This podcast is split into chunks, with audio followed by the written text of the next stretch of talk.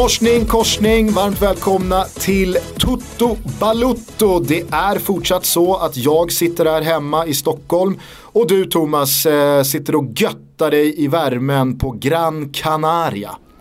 Det har blivit kallt på Gran Canaria i augusten. Eh, det första riktiga regnovädret eh, svepte in över Arginigin här på morgonen. Men alltså normalt sett så blir man ju lite ledsen när man är på solsemester och så kommer regnet. Själv sitter man och är lite skadeglad. Vet, vi, vi är ju proffs på det här resortet nu. Eh, det är ju, de flesta familjerna de åker en vecka och sen så åker man hem. Vi är här i två veckor. betyder att eh, i lördag så kom det nya resenärer.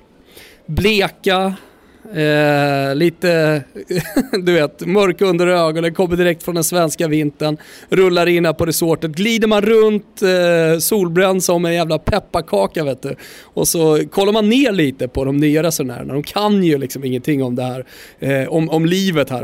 Eh, hur som helst, och då har det varit då ett par dagar dåligt väder. Vi har ingen panik, vi har ju haft kanonväder och vet ju att det kommer komma någon ett par dagar till innan vi åker hem. Men de går ju runt här i stickade tröjor och, och brå, du vet, föräldrarna bråkar med varandra. Eh, barnen är, är ledsna och så vidare. Eh, däremot så, så höll det ju på att ställa till rejäla problem för den här podcasten. För att i och med att regnet kommer så är ingen kvar i poolen utan alla fyller då de utrymmen som finns inomhus. Eh, det slutar med att jag har letat mig till en plats, jag vet inte riktigt var jag befinner mig i hotellet, men så bakom typ köket, sitta på en stol under en handduk. Så folk som går förbi här nu måste ju tro att jag är helt, det, det, det, är någon som är helt sjuk i huvudet. Ja, de måste men, tro att du tycker att det är riktigt jobbigt att det regnar. ja, verkligen.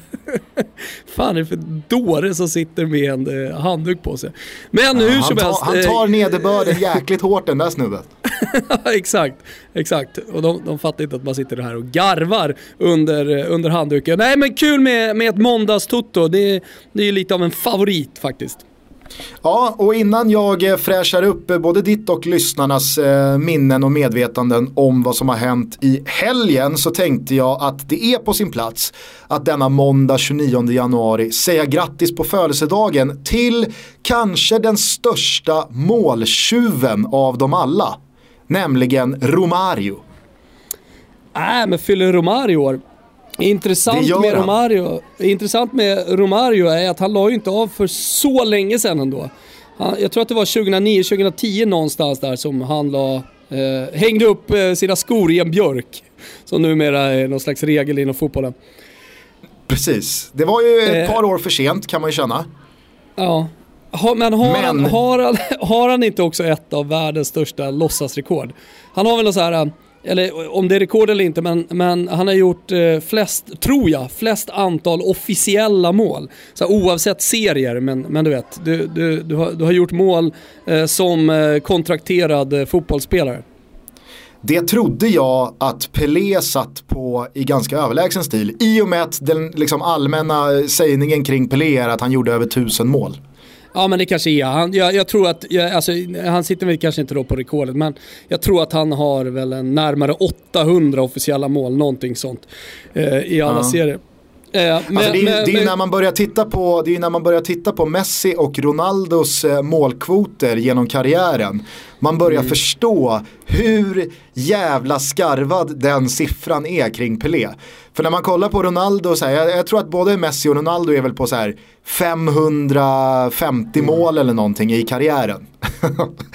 och, och då känns det ju som att de har gjort ja, mellan 60 och 70 mål varje säsong i 10 års tid nu. Ja, ja. Nej, men, ja, och det, Pelé det, har gjort dubbelt så många. Ja, men Romario är då någon slags eh, Pelé light-version. Och det säger jag inte, jag vill inte förringa den brasilianska ligan på eh, något sätt. För han spelade ju, eller han gjorde ju framförallt flest, eh, av, flest mål i den brasilianska ligan. Han hade ju en ganska skral Europa eh, karriär. Han var ju i Barcelona som alla känner till, han var i Valencia. Var väl i PSV först av allt där eh, många år och gjorde mycket. Eh, mycket mål. Men det jag tänker på när jag tänker på Romario, dels det som du säger, liksom, att han var ju ändå en måltjuv. Han lyckades ju stort i landslaget och de vann ju VM 1990, 1994 där magiska sommaren även för svensk del. Eh, Eh, mot Italien i, i finalen. Liksom, och då, då, blir man ju för alltid, för alltid ihågkommen. Jag tror inte att Romario hade varit så stor internationellt om det inte hade varit för den eh, sommaren 1994. Eh, jag tänker också på att Romario, om han nu hade levt i nutid, eh, om man tänker på hur fotbollen förändras och sådär, så hade han ju haft en helt annan typ av klubblagskarriär. Hur menar du? Ja, men jag tror att han hade spelat i Europa på ett helt annat sätt. Jag tror att han, att han garanterat i slutändan på ett eller annat sätt hade hamnat i Premier League eller varit längre i de spanska storklubbarna. Eh, för han valde att vända hem och sen så kom han tillbaka men lyckades inte riktigt i Valencia om jag nu minns hans spelarkarriär rätt. Men jag, men jag, men jag tror liksom att det, det, är tuffare, det, det, är inte lika lätt liksom, att ta det beslutet. Jag vet att Gabigol som misslyckades i Inter eh, har vänt hem och det är flera brassar som har gjort det. Men, men det går snabbt tillbaka till Europa, det är i alla fall min känsla. Eh, och så jag, och liksom med den VM-sommaren så, så får jag bara för mig att han hade haft en en längre karriär i Europa. Om nu det är någonting att sträva efter, det är det kanske absolut inte. Det är väl en jättefin, jättefint att vara ihåg, ihågkommen som en av eh, liksom, den, den brasilianska men, ligans bästa spelare. Men är då inte kanske Fred liksom dagens Fjädj. svar på Romario? Fjädj. Fjädj. Fjädj. Kanske är han det. Kanske är han det. Fast han har väl inte lyckats i landslaget på det sättet va? Snarare tvärtom. Fast vad, Ja, alltså, alltså så här, kanske inte lyckats i landslaget eh, så till den grad att eh, man har varit med och vunnit ett VM. Det är ju många ganska bra brasilianska spelare som då inte har lyckats i landslaget. Men alltså Fred var väl ändå given längst fram i både två, tre och fyra år. Jo, det var han, men du vet också att vi satt eh, 2014 i Expressens studio och undrade när fan det skulle lossna för fjädj. Men det hände ju aldrig liksom. Nej. Ja, ja, jag tycker vi i alla fall eh, säger grattis på födelsedagen då till Romario. Anfallaren mm. som gjorde en konst av att eh, placera in bollarna, ofta genom en eh, patenterad tåfjutt precis vad jag tänkte avsluta med Augusten. Alltså om man tänker på Romario, i alla fall jag tänker på VM 94 och jag tänker på de här tåfjuttarna. Och sen måste jag också säga, jag tänker på det där målet, 1-0 målet i semifinalen. 1,67 cm Romario lämnas på bortre stolpen. Där finns Ravelli, jag minns inte vem den svenska backen var, men de har alltså inte en chans på det där inlägget. Utan Romario hoppar och är, äh, han hoppar ju en meter över marken. 10 minuter på eh, klockan här inne. 1-0. Ja, Romario. Kommer och dyker upp bakom Rai och gör 1-0. Och det var det där med Romario. Ja, det var det. Jorginhos inlägg. Ravelli har inte möjlighet att gå ut. Rai går upp och Romario finns bakom honom. Täckningen var på Rai, inte på Romario. Det är något speciellt också med eh, alltså nickar som går i backen först. Alltså man nickar ner den. Jo men vad är han? En och en halv meter från mål. Det ska ju inte få hända. Alltså om det står en spelare som är 1,67 cm lång på bortre stolpen och liksom dels vinner en nickduell men, men att målvakten inte är där. Nej det det är för dåligt. Ja. Jag, jag kommer inte ihåg Skit om det var... ska de ha 94-hjältarna hörru. jag kommer inte ihåg om det var Arne Hegerfors Dårarna. eller Bosse Hansson. Jag tror att det var Arne som eh, sa då den, den eh, klassiska frasen Romario skjuter inte in bollen, han placerar in den. Och där är 1 Romario, han får inte få något utrymme alls. Han bara glider fram. Och så är han ju så iskall i avslutningen. Han skjuter inte in bollen, utan han placerar in den utom räckhåll för eh, Ravelli. Efter bara en och en halv minut så händer det här. Ja, men det är som du säger, man kommer, man kommer alltid komma ihåg honom för, för sin tåpaj. Numera, hur som helst, Romario, politiker i eh, senaten, eh, höll jag säga, i parlamentet. Han är senator i parlamentet. Så att han, har, han har gått in i, i eh, det brasilianska socialistiska partiet och gör stor karriär politisk Det känns spontant som att han är en eh, nickedocka som folk utnyttjar på grund av hans namn och ställning. Det känns inte som att han brinner för speciellt många frågor. Jag tror ändå han gör det alltså. Jag, jag, såg, någon, jag såg någon bild på honom i kostym och sådär. Jag tycker han, jag tycker han känns seriös ändå, Romario. ja, han har ju en son också, Romarinho. Vad vet vi om honom? Ingenting. Ingenting. Ingenting. Nej. Ingenting.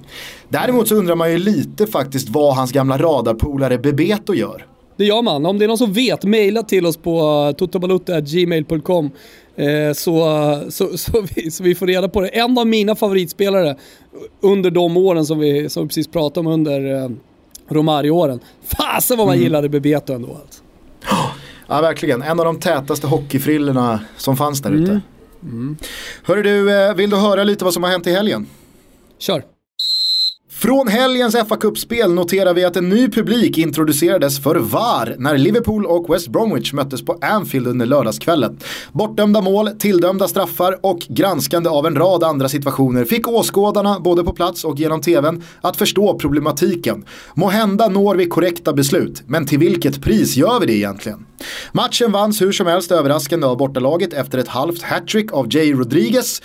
Och för Liverpools del avslutades en tung vecka och nu är återigen trycket på kloppgubbens axlar.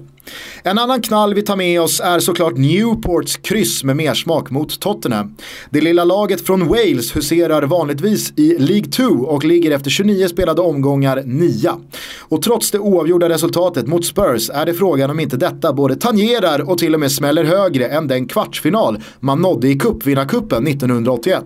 Framgångens vindar blåser i alla fall återigen på Rodney Parade. I Italien tog Juventus tre nya tunga poäng mot ett stökigt Chievo i en grinig minimatch. Desto mer party var det dagen efter på San Paolo när Napoli vände och vann mot Bologna med en förutspådd Dries Mertens i huvudrollen. Vilken titelduell vi har att vänta.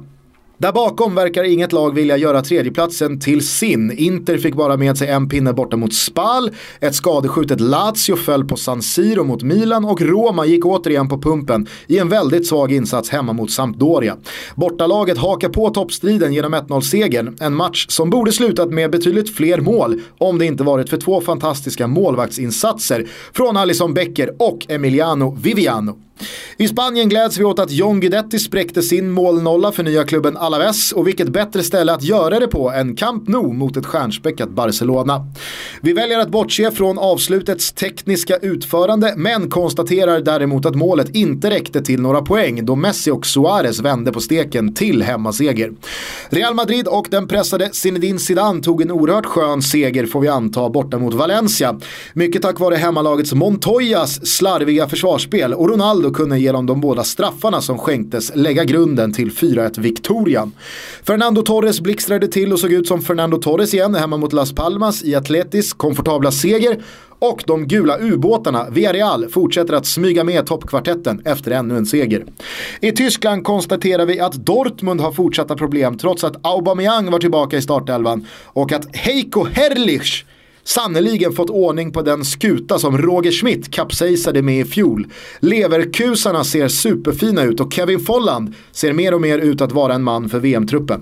Men åt Bayern München går inget att göra åt. Trots underläge 0-2 hemma mot Hoffenheim avgick Jups gubbar med stabil tremålsseger och nyförvärvet Sandro Wagner fick efter en tio år lång detour än en gång titulera sig målskytt för de mesta mästarna. Och kanske är det han som eh, harvade i Darmstadt för bara två år sedan som ska stångas med Granen och Lindelöv när det är dags för Sverige-Tyskland i juni. Vem fan vet? Svepet är i alla fall slut nu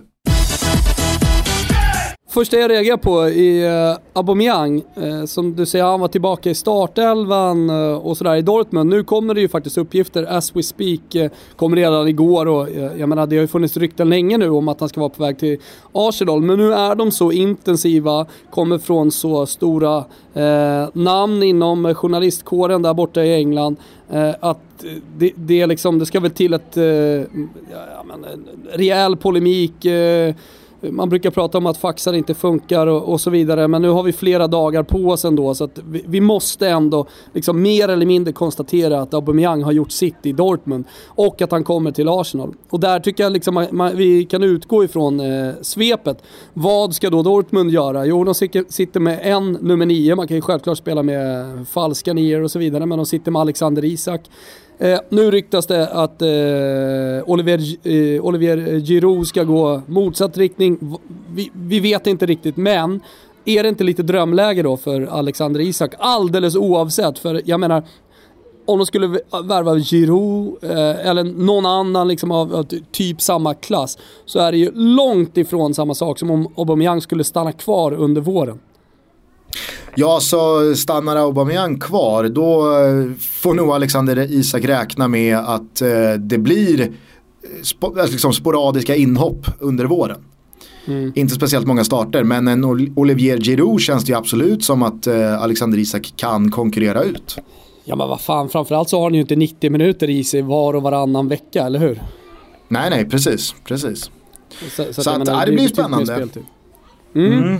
Eh, och framförallt så blir det ju spännande att se vad då Aubameyang landar i för roll i Arsenal. Vad händer med Lacazette och så vidare. Ja men det där var vi inne på. Vi pratade lite om det förut. Nu har ju Mkhitaryan också gått då till Arsenal. För övrigt oerhört spännande att följa vad Mkhitaryan, liksom, om, om, kan han växla upp här nu? Kommer han i den perfekta miljön? Eh, får han den pe perfekta positionen och så vidare för att han ska lyckas och bli sådär bra som han en gång var i Dortmund. Men, eh, men eh, jag tycker att om Arsenal ändå sätter eh, Aubameyang så har man ändå liksom, krisat sig ifrån den här eh, mardrömssituationen som Wenger och, och, resten av styrelsen satte Arsenal i med eh, Özil och Sanchez på ut, utgående kontrakt. Och frågan är, jag ska också säga det Gustav, frågan är om man inte till och med liksom lyckas övertyga Özil om att eh, förlänga. Ja, alltså eh, det känns ju som att Mesut Özil i och med att han redan har gjort Real Madrid och så vidare. Det känns som att det kan vara en, en alltså, jag, jag tror att det handlar om deg där. Ja. Jo, han har alltså... vunnit sina bucklor med både Real Madrid och med Tyskland. Får han ett tillräckligt fett kontrakt så kan jag absolut tänka mig att han eh, stannar i Arsenal. Mm. Jo, nej men absolut. Eh, det, det, skulle han kunna göra. Eh, en annan sak då från svepet som, eh, jag ska inte säga att det var Italien-tungt, eh, men eh, det hände i alla fall mycket och jag tror att många riktade blickarna dit. Alltså en sak som gjorde mig väldigt glad när jag såg flera av de italienska matcherna var att solen lyste på åskådarna och man kunde skymta bar Uber lite här och där. Och det är ju, alltså man brukar prata om vårkänslor, första humlan och tussilagen och så vidare. Alltså när den första europeiska vårkänslan kommer, alltså sydeuropeiska, just den här liksom 20-gradiga solen. Alltså det är då man börjar få hopp. Jag vet att vädret är piss där hemma. Eh, man, är ju här, man, man, är ju lite trött på det här engelska vädret, det bara öser ner. Och, ja, men, eh, det, det, det, matcherna får en helt annan lyster eh, under våren. Eh, därför, jag trodde du skulle säga liksom det. de här tidiga vårtecknarna. Jag trodde du skulle säga där att den första bara Ubern, det är årets första vårtecken. Det var dit jag skulle, det var det jag menade lite. Jo, samtidigt så vet man ju att just på fotbollsläktare, där kan man sikta eh, eh bara överkroppar året runt. Oavsett jo, men temperatur. Alltså, det är klart det finns en klick ultras, men nu tyckte liksom långsidebar Ibn, låt oss säga att det är det första eh, vårtecknet. När, ja. eh, när, när 40-åringen med lite ölmage tar av sig tröjan på bortre långsida. Då känner man att våren är på väg till eh, södra Europa och då är det fan inte långt kvar innan den också kommer upp till Skandinavien. Framförallt så är det jävligt mycket roligare att se matcherna av någon konstig anledning när liksom solen eh, lyser och spelarna badar i sol. Från det sportsliga i Italien den här helgen så skulle jag vilja stanna till vid eh, liksom, lagen som inte lyckas vinna. Jag tycker att Napoli och Juventus, de många på, de gör det bra. Men ja, ja. Jag, jag, tycker det är, det är mer intressant att prata om Inter och Roma som fortfarande saknar en seger 2018. Inter är efter eh, poängtappet mot Spal igår uppe i två månader nu utan seger. Och just Inter, jag såg den här matchen Spal-Inter, mm. det, är, det är häpnadsväckande att ett lag som inhyser så många skickliga fotbollsspelare individuellt som såg så bra ut i flera månader under hösten mm. ser ut som de gör. Alltså, tittar man på en isolerad 20 minuters period igår på Inter så ser de ut att spela i division 1 norra. Helt plötsligt ja, så kan inte de spela fotboll. Det är helt jävla otroligt. Ja, det, det, är det faktiskt. Eh, och jag tycker framförallt eh, det du säger att de såg så bra ut under hösten. Det var ju till och med så att de målades upp eh, som scudetto-kandidater. Också kan man tycka med all rätt i och med att man måste ändå förutsätta, i och med att det är en ny tränare, att en bra start, eh, det, det, är såklart en sak innan lagen lär sig Eh, hur, hur de spelar och så vidare. Men man måste ändå förutsätta att det kommer att gå ännu bättre. Att de kommer hitta varandra ännu mer eh, och att spelet sätter sig. Men med Inter så har det alltså blivit precis tvärtom. Vilket jävla magplask! Och de räddas ju nu av precis som du är inne på, att ingen verkar vilja ha den här Champions League-platsen. så det är helt sjukt. Att, eh, först eh, Lazio då, att man förlorar borta mot Milan, det är kanske liksom inte hela världen. Men, men att Roma dessutom då gör en platt match mot ett Sampdoria som inte har med ett par av sina succéspelare. Quagliarella till exempel som, som, vi, som vi har hyllat, eh, som har gjort 15 mål och 5 ass. Han var, mm, fem ass. Han var inte ens med i den här matchen. Nej. Men man vet att ett lag har medvind när de här spelarna ändå åker med. Alltså Quagliarella var ju där på inneplan. Exakt, exakt. Eh, och eh, de sa ju det efter matchen, spelarna. Att eh, alltså det, det, det, bästa som skulle kunna hända av den här, det här januarifönstret, det är att ingen lämnar. Alltså det, det vore som ett nyförvärv lite grann. Är du med? Mm. För, för, det är ändå, det, det, är flera som har gjort det jäkligt bra och det är flera större klubbar som är i rycker i dem. Och det är ju sällsynt när det kommer mer pengar att spelare stannar, stannar, stannar kvar då. Men, eh, men, det, men det ser faktiskt med tre dagar kvar ut som att eh, Sampdoria får behålla sin takt. Vilket gör dem till ett jävligt spännande lag, eh, ett roligt lag att följa och som utmanar om Europaplatser igen. Men på tal om lag som ser ut att få behålla hela sitt lag så är det ju, alltså, så tittar ju jag ännu mer mot Lazio. Alltså att de efter den här hösten också verkar få behålla hela truppen.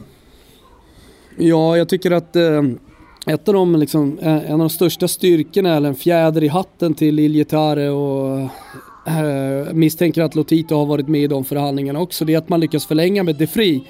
Och jag tror liksom, jag tror inte att De Fri tror inte jag stannar kvar i, i Lazio hela karriären. Kanske till och med går han redan i sommar. Men att man ändå lyckas förlänga, det betyder ju ändå att eh, spelaren vill klubben väl. Är du med? Att man har skött situationen på ett jäkligt bra sätt det blir ju mindre och mindre vanligt att, man, att, eh, att spelare förlänger som känner att de har liksom storklubbarnas intresse. Och det har ju verkligen det fri. Jag vet inte exakt vilka klubbar som, är, som har varit ute efter honom, men det, det är ju det är stora klubbar.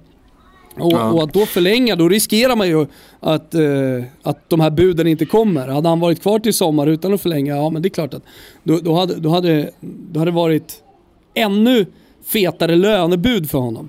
Så det, det tycker jag är en fjäder i hatten. Dels tycker jag att det är snyggt gjort av De Fri, men också eh, riktigt bra arbetat av Lazio. De här, den här typen av eh, kontrakt och kontraktsförlängningar tycker jag alldeles för sällan eh, eh det läggs alldeles för sällan ljus på det.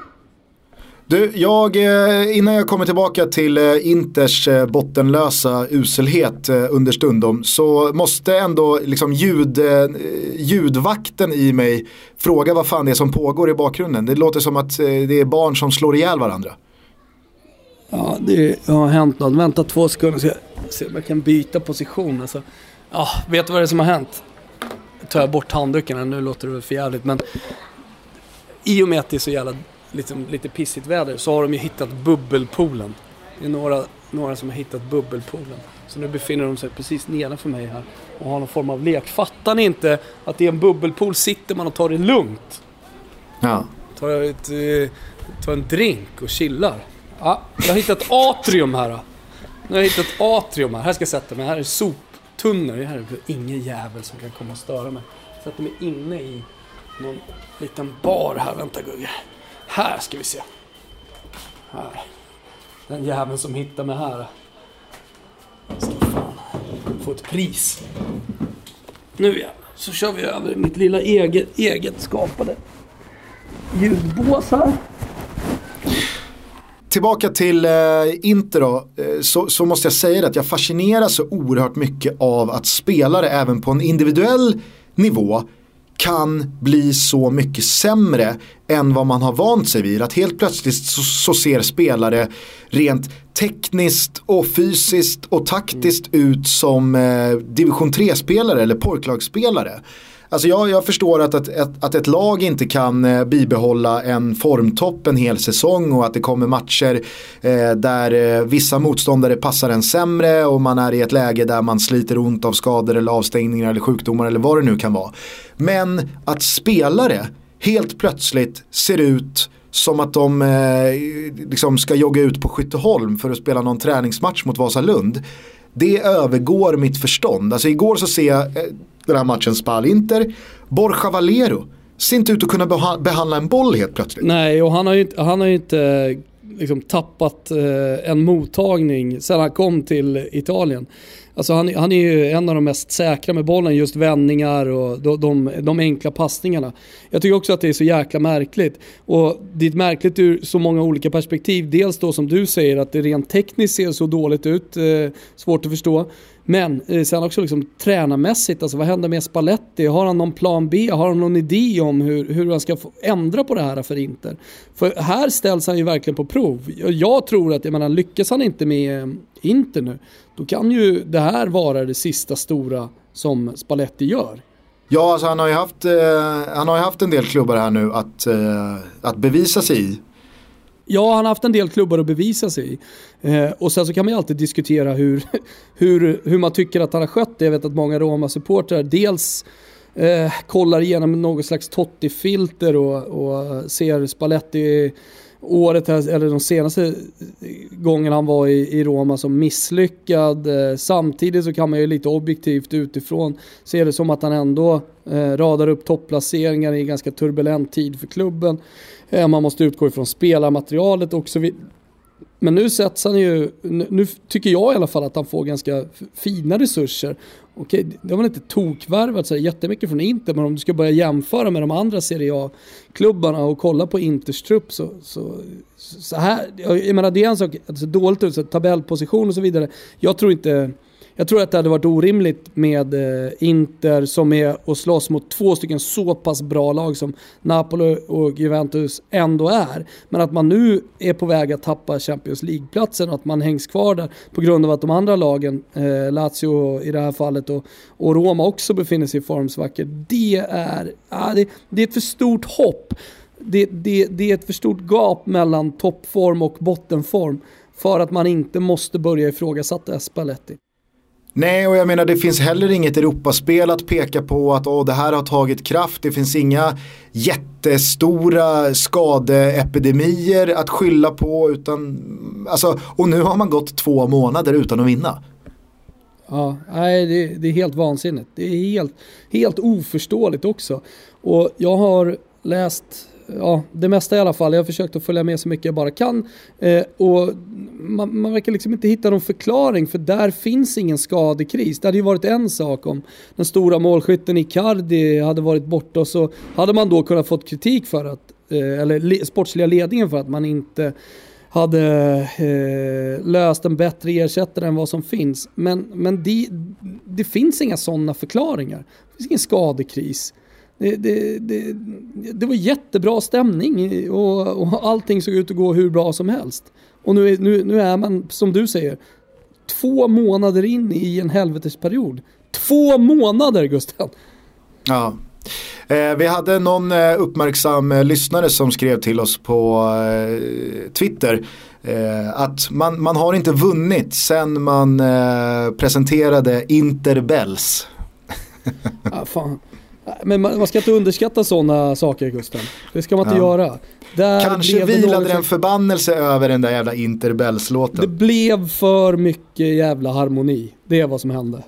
Ja men kanske.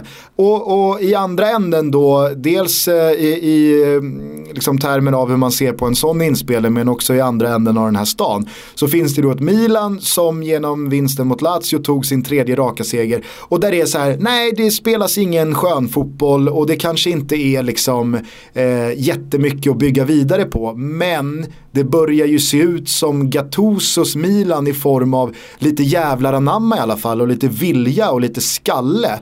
Och i tider av sviktande former på resterande toppkonkurrenter då utöver Napoli och Juventus så kanske det är ganska vägvinnande så här års. Jo, jo, och en sak är att Milan börjar vinna. Men att det dessutom då sker i samband med att eh, de andra storklubbarna, så att säga, i alla fall eh, det som på förhand såg ut att vara direktkonkurrenter om eh, Champions League-platsen, att de också börjar gå dåligt. Det är klart att det gör någonting med Milan som lag, spelarna, eh, men också med supporterna. Att det som har varit ett pissår helt plötsligt nu vänds och det är andra lag i kris.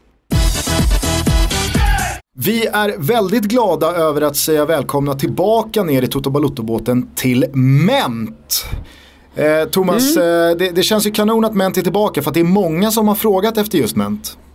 Ja, man kan ju nästan tro att Ment har varit inne och hackat vår mail. Men eh, faktum är att det är väldigt många som har hört av sig både på sociala medier och via mail då, och undrat vad den här tjänsten heter. Där man, ja, dels då anonymt, eh, men framförallt eh, eh hur man liksom kan söka jobb eh, och arbetsgivare kan gå in eh, och helt enkelt hitta en. För det är ju, Ment är ju en tjänst för eh, de, de bra, både för arbetsgivarna och eh, de som söker jobb. Precis, eh, och är man då någon som eh, söker jobb men kanske inte riktigt vill skylta med att man söker jobb, man kanske inte vill göra det gentemot arbetsgivare eller omgivning, vad vet jag, då är det kanon att man kan göra då sin arbets eh, eller yrkesprofil på Ment där man då kan fylla i var någonstans man vill jobba, med vad man vill jobba, vad man själv har för kvalifikationer och erfarenheter, vad man har för löneanspråk och så vidare och så vidare. Man skapar sig en profil helt enkelt som då dels fungerar som ett filter inåt gentemot en själv, sålla bort alla eh, arbeten som inte är intressanta men också då eh, visar sig på radarn för eh, potentiella arbetsgivare där ute som ser att ja, men det här verkar ju vara en intressant profil för oss. Så att, ja, eh, det är en skitsmart tjänst. Ja men det, är verkligen det, just för att den är till för alla. Dels de som sitter på ett jobb men ändå vill ha då, eh, ja men känselspröten utåt. Man vet ju aldrig, vem vet? Det kan liksom dyka upp eh, drömjobbet. Men också för de som är liksom aktivt arbetssökande och vet att här kommer då kanske min potentiella arbetsgivare gå in eh, och hitta mig. Så det är verkligen en tjänst för alla och det är helt gratis att signa upp, eller hur Gusten? Precis, eh, man kan dels skapa sin eh, yrkesprofil men också göra ett karriärstest på ment.career. Career som eh, engelskans karriär, C-A-R-E-E-R. För er som har lite svårt med den anglosaxiska stavningen. där kan man göra båda de här delarna och det är väl smart att börja i änden att göra det här karriärstestet för att se vad man bör tänka på, vad man ska ha för anspråk och så vidare. Så att, mm. tack till Ment för att ni är med oss och alla ni där ute som tycker att det här låter intressant. surfa in på ment.career Oj, oj, oj, oj, oj, så nära det var att det blev jackpot på min Toto-trippel i helgen. Ja, den var ju rejält boostad av eh, Betsson. Eh, det var ju till och med så att den blev nerspelad för då så många som insåg att här var det kanonodds. Eh, så för alla som inte riktigt då har blivit frälsta av Toto-trippen in, skapa er ett konto på Betsson. Håll utkik, nu är det dessutom Midweek. Ja, ni vet ju, vi har pratat om det här flera gånger, ni känner till det. Nu drar säsongerna rejält igång. Nu drar vårsäsongerna som vi varit inne på här i programmet rejält igång. Eh, och då vill man inte stå utan ett konto på Betsson. Hur som helst, eh, precis, det var boostat rejält där under godbitar, boostade odds. Eh, men det ville sig inte riktigt i Sevilla. Nej, det blev ju ett par eh, nervkittlande sista 20 minuter efter att Sevilla hade tagit mm. ledningen hemma mot Getafe. Ever Banega har den i stolpen men istället för 2-0 så brunkar Getafe in 1-1 på tilläggstid. Så att vi, det, ja, blev det... Inte, det blev inte mer än nära men det var jäkligt roligt och det var som du var inne på jäkligt många som var med på just den här trippen i och med att oddset var boostat till hela 16 gånger degen. Så att, nej, det var mm. roligt men man kan i alla fall trösta sig med att vi får dela ut två stycken nya officiella matchtröjor till personer som har ryggat Toto-tripplarna. Ja exakt, eh, nu närmar vi oss eh, allsvenska starten, man kanske vill ha sin då nya fräscha Eh, favorittröja i, i allsvenskan. Vi kommer att fortsätta med de här kickerserna eh, även, även nu i eh, februari. Så att, eh, haka på, fortsätt rygga Toto-tripplarna så kommer det snart smattra in lite deg där också. Tack till Betsson. Men du, nu eh, måste vi eh, bara tillbaka till eh, där svepet började, nämligen England och FA-cupen. Det var ju en del rubriker från den här fjärde rundan. Du, du, du kan inte ha missat hur många nya människor som introducerades för VAR va? Nej, nej, för fasen. Alltså, eh, Gazettan har idag måndag en stor rubrik, eller en, en hel sida eh, med den, den svarta varhelgen, med, tror jag rubriken säger. Eh, för det, det alltså, begicks återigen sådana otroliga misstag. Inte minst från den matchen som du nämner här med eh, Napoli och Bologna, men eh, även på andra håll. Eh, så, så, att jag menar, du har dels då den italienska eh, och när VAR introduceras för den stora engelska publiken. Ja, nu, nu, nu har ju VAR eh, motståndarna trevliga tider höll jag på att säga, men, eh, men eh, det, just, det, går inte att fortsätta så som det har börjat. Det, det, det, det går liksom inte. Ja, men dels så reagerar jag på då att man återigen får en liten inblick i hur få eh, svenskar det är som egentligen tittar på Serie A. Eh, för, för liksom, jag menar du och jag, vi har ju varit aktiva och verksamma i den här branschen så vi vet ju att tittarsiffrorna på italiensk fotboll är väldigt låga. Ja, men det är 225 och... som ser ett Genoa-derby. Stycken. Ja men precis, det är, det, är, det är ingen slump att TV4 väljer att släppa Serie A och att ja. den italienska högsta ligan som rättighet ligger liksom och liksom, ligger, utan eh, rättighetsägare tills att vi har satt och känner att ja, vi tar väl skiten då. Mm. Eh, och, och, det är ju i Serie A som VAR har då eh, applicerats men nu testar England det här i då FA-cupen och när då Liverpool spelar en lördagskvällsmatch och VAR är med i matchen, jävlar! alltså, det, det, var, det, var, det var som en tsunamivåg av människor att... som liksom, vad fan är det här?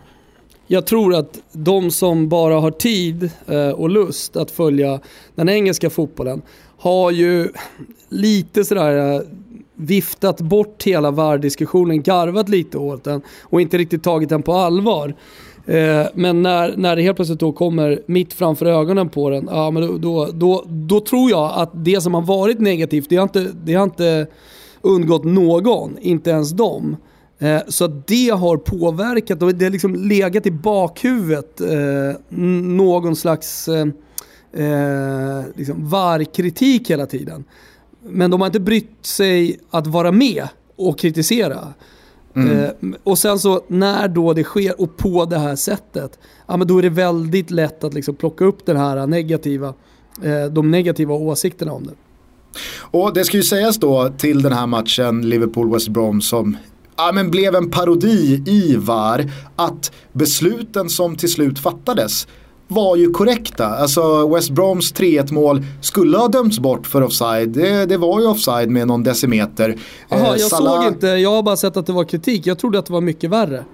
Nej men alltså så här, det, det, är svårt att, det är svårt att peka på att besluten som fattades var felaktiga. Det var de ju inte.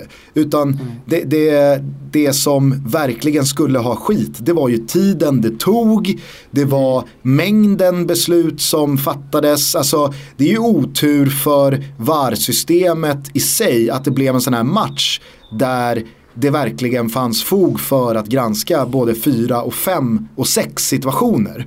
Alltså mm. du kan ju ha VAR applicerat på en match men matchen i sig Eh, liksom, det, det, skapas inga situationer där du ens behöver gå in och videogranska någonting. Mm. Men här så blev det dels ett eh, mål som var så här, var det där offside eller inte? Det är en straffsituation där Salah blir nerriven som till en början inte då ser ut att vara straff, eller domaren tar inte den straffen, men det blir straff sen. Och när man tittar på situationen, ja det är väl klart att Salah ska ha straff där. Eh, men problemet som blev var ju att när, när eh, West Brom sen gör eh, 3-1 regelrätt och korrekt. Eh, då, då, ska ju domarteamet in och VAR-granska den ändå. Även, mm. även fast det inte finns någon situation att granska i den. Ja. Utan de Nej. känner att ja nu kan vi ju kolla det här målet, så varför inte kolla det? Ja. Nej, och så tar det liksom, det tar tre minuter jag, till. Det, ja, det, jag, det jag har menat hela tiden, jag som har varit eh, pro-VAR, eh, det jag har menat hela tiden det, det är ju att liksom, det kommer att vara lite uppförsbacke men det kommer att sätta sig dels vad jag trodde ganska fort. Eh, men att det hela tiden kommer vara, alltså från vecka till vecka egentligen, en förbättring. I och med att det är en så, så pass stor förändring så tänker jag att domarförbunden är så otroligt organiserade på något sätt. Eh, att man har en plan för att mötas, att titta på, att skruva hela tiden på, på eh, de här olika situationerna. Eh, men det som har hänt är ju snarare tvärtom. Att domarna är konfunderade. De vet inte riktigt hur de här olika reglerna, för det finns ett ganska tydligt regelverk. Kanske är det lite för omfattande, jag vet inte. För just alltså det jag tänker att det ska vara väldigt enkelt att fatta ett beslut om det ska granskas var eller inte. Men det är ju inte det. Eh, och framförallt så är det inte det för publiken heller. Eh, eh, men, men, att det då snarare har gått åt det andra hållet. Att det har blivit sämre och sämre. Det är det som är förvånande tycker jag. Ja, och, och det här föranleder ju då eh, vad jag skrev i svepet att visst, det, det kanske till slut blev enbart korrekta beslut på Anfield.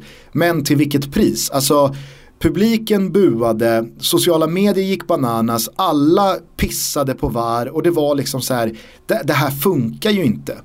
Eh, sen kan man prata hur mycket man vill man, om att VAR är ja. i sin linda och det går att utveckla. Ja. Men det kommer ju hela tiden kokas ner till till vilket pris vill man ha korrekta beslut. Mm. Ja, men det, nu, nu har det ju till och med gått så långt då. Vi får ändå ta den tyska fotbollen och den italienska fotbollen eh, som någon slags eh, vägledare i, i, i VAR i och med att det är de som har kört den mest. Eh, vad som händer i Liverpool egentligen kan jag tycka är lite skitsamma och att det kommer väldigt stora röster. Men om man ska ut, utvärdera hey, VAR. Det är aldrig jag skitsamma vad som händer i Liverpool för svenskarna. Nej.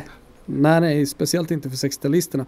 Men eh, nej, det, det, det jag menar är att Alltså, när, om vi nu ska göra en utvärdering, jag skulle vilja vänta till eh, i, i maj egentligen. Men om man ska göra en kort utvärdering då, summera det som har varit, eh, så eh, är, finns det bara en sak att säga det är att vi skrotar det här nu. Vi skiter i, vi skiter i VAR eh, resten av säsongen och återgår till det normala. För det funkar inte som det är nu. Och sen så får vi sätta oss på kammaren och kolla, ska vi fortsätta med det här? Ska, eh, hur, hur, gör vi då? Finns det några vägar runt där? Har vi, har vi helt eh, tänkt fel vad det gäller det här regelverket? När ska man ändra VAR och så vidare och så vidare. För just nu så kan jag faktiskt säga, trots att vi hade en sån otroligt hetsk diskussion, är att jag, jag klarar inte heller av VAR.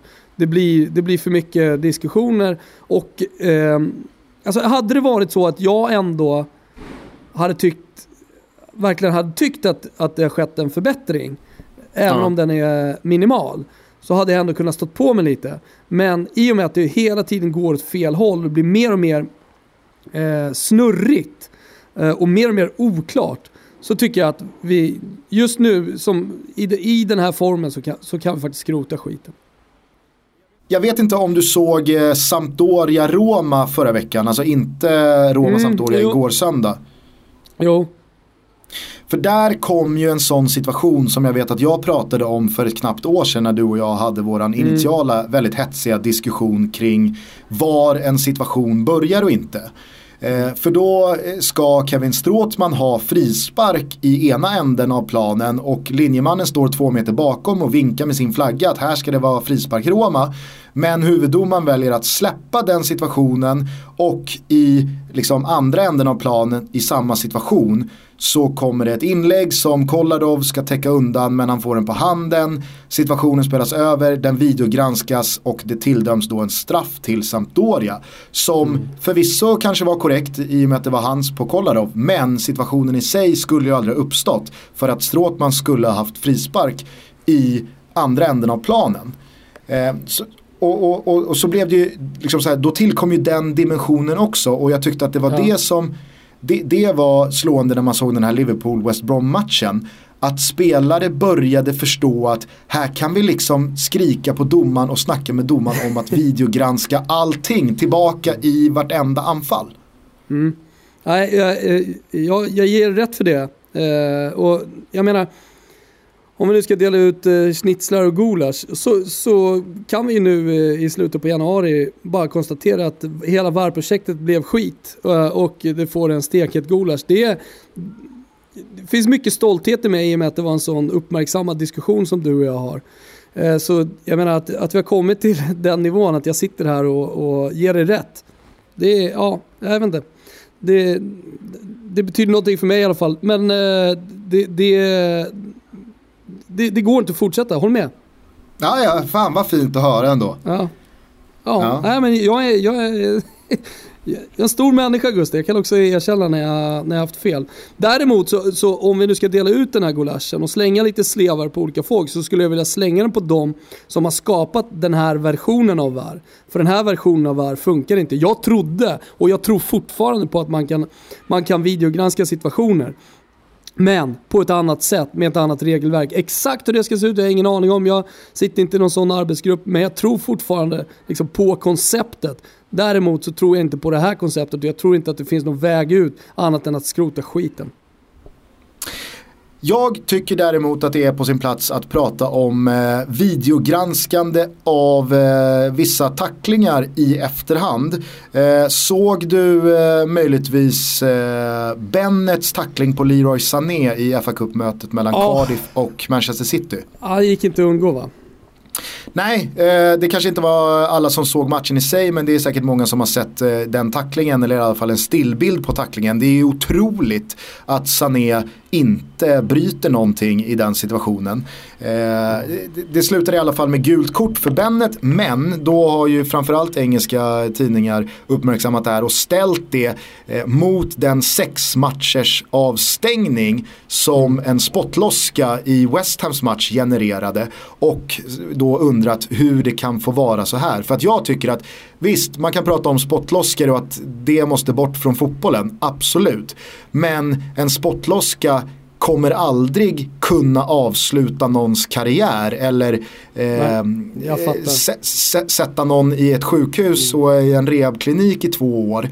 Eh, men det kan däremot en tackling. Så att vill man på något sätt få bort sådana här tacklingar så måste man ju gå in och stänga av Bennet i efterhand. Även fast man då bedömer det som att, alltså regeln är ju så att nej men domaren såg situationen och straffet blev gult kort. Då är den situationen, mm. eh, de, de, den går inte att röra då i efterhand hur, från förbundshåll. Hur är annars din relation till sportloskan? För jag märker att den, den går isär lite med den stora massan jag skulle säga 90% ser ju, som spot, ser ju sportloskan som kanske det värsta någon kan göra. Jag har ju inte riktigt den relationen till sportloskan och det här är inte något försvar av Totti eller liksom någon, någon annan spelare som under åren har spottat. Vi hade ju klassiska Rudi Föller och Frank Rijkaard och så vidare.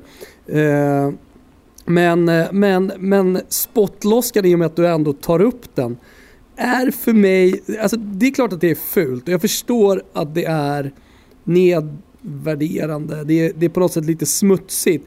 Men, men det spottloskan gör med en person, eh, eller gjorde i alla fall, jag vet inte om det är så fortfarande, det var ju nästan att ödelägga karriären. Det, det, varumärket, om man, nu, nu, kanske man inte pratade lika mycket om varumärken förr i tiden, alltså fotbollsspelare som varumärken, eh, mer idag. Men alltså varumärket eh, blev ju så skadat av de här spottlosskorna att spelarna fick leva med det under hela karriären. Det var smutslig, smutsiga personer. Eh, alltså, och där har jag aldrig att... riktigt hängt med alltså. Nej, eh, jag, jag, jag ger dig helt rätt i det. Jag återkommer alldeles strax till det. Man får ju tycka vad man vill men, men Nej, men det, alltså, jag, jag, jag, tror att vi, jag tror att vi står på samma sida här. Men jag skulle bara säga ja. det när du pratar om att eh, liksom, det var det sämsta som kunde hända med vissa spelares varumärken och att man fick lida av det resten av karriären. Alltså det finns ju, eh, jag skulle säga en majoriteten av svenskar så är, alltså majoriteten av svenskar förknippar ju fortfarande Francesco Tottis hela karriär med spottloskan ja. i Christian ja. Paulsens ansikte i EM 2004. Om inte, annat, om inte annat så vändes de först eh, efter hans sista år när han fick så otroligt mycket no, positiv eh, Eh, vad ska jag säga? Han blev ju lite som Pillo blev på slutet. Eh, alltså en, ja, kanske i resten av världen, inte i Sverige Framförallt inte bland IT-konsulterna. Ja, men alltså här Födda var han ju 67. spotty. Exakt. Exakt. Ja. Men eh, alltså så här, om, om vi bara Egentligen ska borde väl tillbaka. danskarna då, jag vet inte, borde väl danskarna tycka att det var ännu värre? Ja, kanske. Mm. Men det känns som att spottloskan är mer frekvent inom dansk fotboll än vad den är inom svensk fotboll. Det tycker jag. Ja. Men bara tillbaka till spottloskan då som fenomen. Jag håller helt med dig. Alltså det, det är ju det är magstarkt kanske att säga att man gillar spottloskan.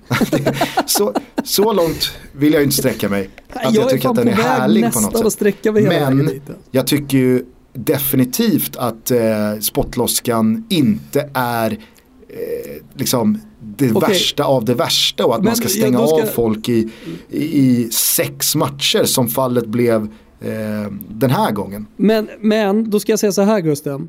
Att en eller två eller tre spottloskor per säsong. Det är fasen en krydda till fotbollen, en krydda till säsongerna. För man glömmer aldrig en spottloska. Det gör någonting med en hel... Alltså de, de, de, får en, de präglar en hel säsong på något konstigt sätt. Ja, det får man ju För jag verkligen skulle säga säga. den magiska nivån av spottloskor per säsong, alla ligor, eh, internationell fotboll, inhemsk fotboll, är fyra spottloskor. Där har vi då den perfekta mängden spottloskor under, under en säsong.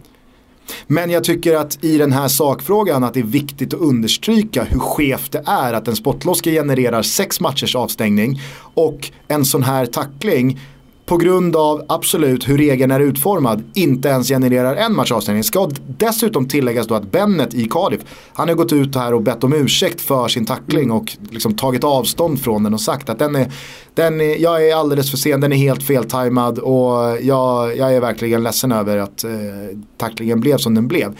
Men signalen i sig, alltså det, det hade känts bra ifall FA går in och liksom så här Ja, men, vi måste ge dig tre matcher, eller två matcher, eller någonting. Och sex matcher för en spotloska, nej jag vet inte, jag tycker att det är, det är för mycket.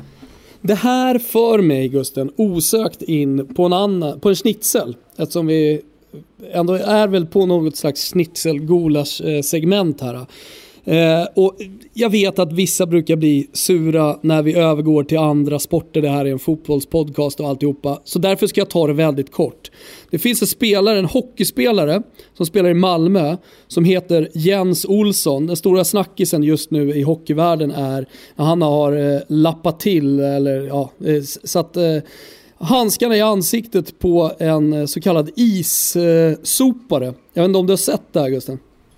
Ja det är väl någon eh, Ja. typ eh, 12-13-åring som eh, Ja. sopar undan fötterna på honom. Exakt, han tycker att han borde ha flyttat på sig. Så den här la kaxiga 12-13-åringen, han sopar helt enkelt till Jens Olsson. Kan man ju tycka var roligt, men eh, lite påverkad av att jag befinner mig på ett resort med en jäkla massa snorungar. Också lite på grund av en egen liten syn på barn, att de inte alltid ska behandlas bara som barn, utan att eh, barn är också människor, är du med? Och, och De får fan också ta konsekvenserna av sitt handlande. de får fasen också ta konsekvenserna av sitt handlande. Alltså en bollpojke som vägrar skicka en boll. Ja, men han, han är värd en lavett. Alltså lite, det, lite på samma spår här. Alltså är, så är, inte för mina egna barn, men, eh, men för snorungar och andras barn så är de faktiskt ibland värda en lavett så de fattar att nu har jag gjort fel. För det är såklart att den här, den här ispojken som sopar undan benen på Jens Olsson är en kaxig liten, liten skit som, som förtjänar eh, en smäll på, på hjälmen. Eh, så därför så skulle jag vilja ge snitsen till Jens Olsson. Helt rätt! Sopa till ungjäveln. Ja, ja, det, är, det, det är speciellt eh, på alla sätt att eh, du eh, hänger på en, en eh, charterresort i Gran Canaria och fokuserar på vad som händer i, i, i hockeyvärlden. Det, Ja, känslan, är att det, känslan är att det är dags att komma det. hem snart. Ja, jo, absolut. Vi behöver inte ta längre. Det var veckans schnitzel. Bumper. Hör du, jag tycker att vi eh, avslutar eh, detta måndagstutto med eh, vad du får avgöra då är ett rekord eller ett låtsasrekord. Jag har ju gått i clinch mot den här rekordhetsen att allt ska bli rekord. Att oj oj oj, nu, nu slog den här spelaren rekord i antal mål gjorda med huvudet på bortaplan någonsin i La Liga. Så det, det, det, det ska kokas ihop rekord av allting. Eh, men eh, Schalkes eh, Naldo. Eh, han kan ju inte minns... sitta inne på några rekord. Ja, men han gjorde i helgen eh, den Bundesliga-match som gör honom till den brasse som gjort flest Bundesliga-matcher av alla i historien. Är det någonting eller? Viftar bort. Viftar ja, är... bort bara med handen. Ja. Det, det är skitsamma för dig. Ja, det är helt... Det enda, det enda... Eh, den enda platsen som det här skulle kunna vara eh, någonting på, det är ju i hans hemby. I Naldos hemby. Är du med? Lokaltidningen mitt i, i Fortaleza, utkanten av Fortaleza. Där gör, där, där gör man en helsida på detta eh, idag, måndag. Och sen så eh, hyllar man honom med en minikarneval nu när det börjar stunda karnevaltider. Sen är det över. Men vi eh, i Sverige, eller för all del på alla andra ställen i världen, skiter fullständigt i om Naldo har gjort flest matcher eller inte. på tal om karnevaltider och brassar, vem, eh, vem ligger i farozonen för att eh, påbörja en slippery slope som i slutändan eh, kommer sammanfattas som startskottet på vart det vände jag tycker ju alltså det hade varit eh, uppfriskande och roligt om den nya Fjädj hade varit den spelaren. Han eh, spelar i Shakhtar Donetsk, eh, uppvaktas av eh, Manchesterklubbarna, båda tror jag. Hur som helst, han kommer att gå till, eh, till en stor klubb, om det nu blir United eller eh, Dortmund eller vad det nu är, det, det, det återstår väl att se. Men när en spelare då har gjort succé i lite mindre verklighet som Shakhtar Donetsk ändå är och nu får den här stora chansen så hade det varit lite roligt om han hade eh, eh sumpat alltihopa genom att åka ja. hem och gå på karneval istället. Jag ska bara hem en snabbis, jag lovar, det blir bara två, tre dagar max. jo, tanken kanske är god. Han tänker att nu sitter jag här, nu sitter jag och väljer mellan City, United, ah, lite mer speltid i Dortmund. Du vet, det, han har ju säkert redan några miljoner sådär, men nu jävlar ska tre, fyra generationer små Fjädjinhos, eh, eh, deras framtid ska säkras upp här. Eh, jag, jag, jag åker hem, kör tre dagar karneval, eh, andas, dricker lite rom, eh, funderar på det och sen går allt åt helvete. Ja, nej, verkligen. Vi, vi kan väl sträcka oss så långt som att vi håller tummarna för att det sker. Ja, vi håller tummarna. Sen så vore det väl mer troligt då. Inte, inte Ribeiro, inte han på väg tillbaka. Där kan man ju i alla fall tänka sig att den comebacken går åt helvete. Om det nu, Adriano alltså, eh, om det nu stundar karnevaltider. Det är bättre Adriano att göra comebacken för dig, just för dig i eh, september. Ja men det blir ju ruskigt intressant också och eh, följa ifall Gabigol kan hålla händerna på täcket när han är tillbaka i Brasilien. ja exakt, där, där kan man ju förvänta sig 4-5 pannor på eh, buken extra om en månad. Skitsamma, jag tänkte bara med Adriano, han har väl fortfarande inte officiellt tackat för sig va? Ah, kanske någon gång. Jag tror inte det ändå. Jag tror nog att här, inom ett par år så kommer vi få det. Och det, det officiella avskedet från fotbollsplanerna där eh, fotbollsskorna hänger på en björk. Ja, det känns som att han kommer hänga upp dem på någon krok i häktet. Mm. Hör du, eh, kort bara innan vi stänger ner butiken. Det är eh, drygt två dygn kvar av eh, det internationella transferfönstret. Tror du det blir någon, eh, någon sån här sista stor eh, transfer? Landar att, Arsenal mm, Aubameyang eller? Ja, Bild skrev faktiskt nu såg jag att det kommer ett announcement i eftermiddag och att det announcement kommer då eh, offentliggöra Aubameyang i Arsenal. Så ja, som jag säger, det är för stora medier, det är för stora namn som, som nu eh, skriver att Aubameyang ska vara klar. Så det tror jag nog. Sen tycker jag att alla de här stora övergångarna som ändå har gjorts nu under eh, januari talar för att det har ruckat så, så mycket Eh, det, det skakat lite för mycket i januari fotbollsvärlden för att det inte ska ske några liksom, lite i alla fall mellanstora övergångar så här, sista, sista sekunderna. Så jag tror att vi för en gångs skull ska sägas får en ganska aktiv, eh, ett aktivt slut på januarifönstret. Ja, det verkar i alla fall eh, som att eh, Dzeko till Chelsea, den affären har brakat samman totalt. Ja, den verkar ha gått åt uh, helvete. Vi får se. Den, den, ska man nog vänta in till de sista timmarna. Ja, det, jag, jag, känner bara att det är den här säsongens lott för Roma att uh, få dras med en mentalt utcheckad Dzeko hela våren. Ja. Jävla mardröm alltså. Ni har ju, ni har ju Chic och Defrell. Så är det, alltså. som du har garanterat. ja, exakt. Det är lite uppförsbacke där också. Ja, ja, Roma fortsätter lida, Toto Balutto fortsätter att leva. Vill ni oss någonting så finns vi eh, som alltid på totobalutto.gmail.com. Vi finns också på sociala medier, alla konton heter Toto Balutto. Du fortsätter leverera videoklipp efter videoklipp på Instagram.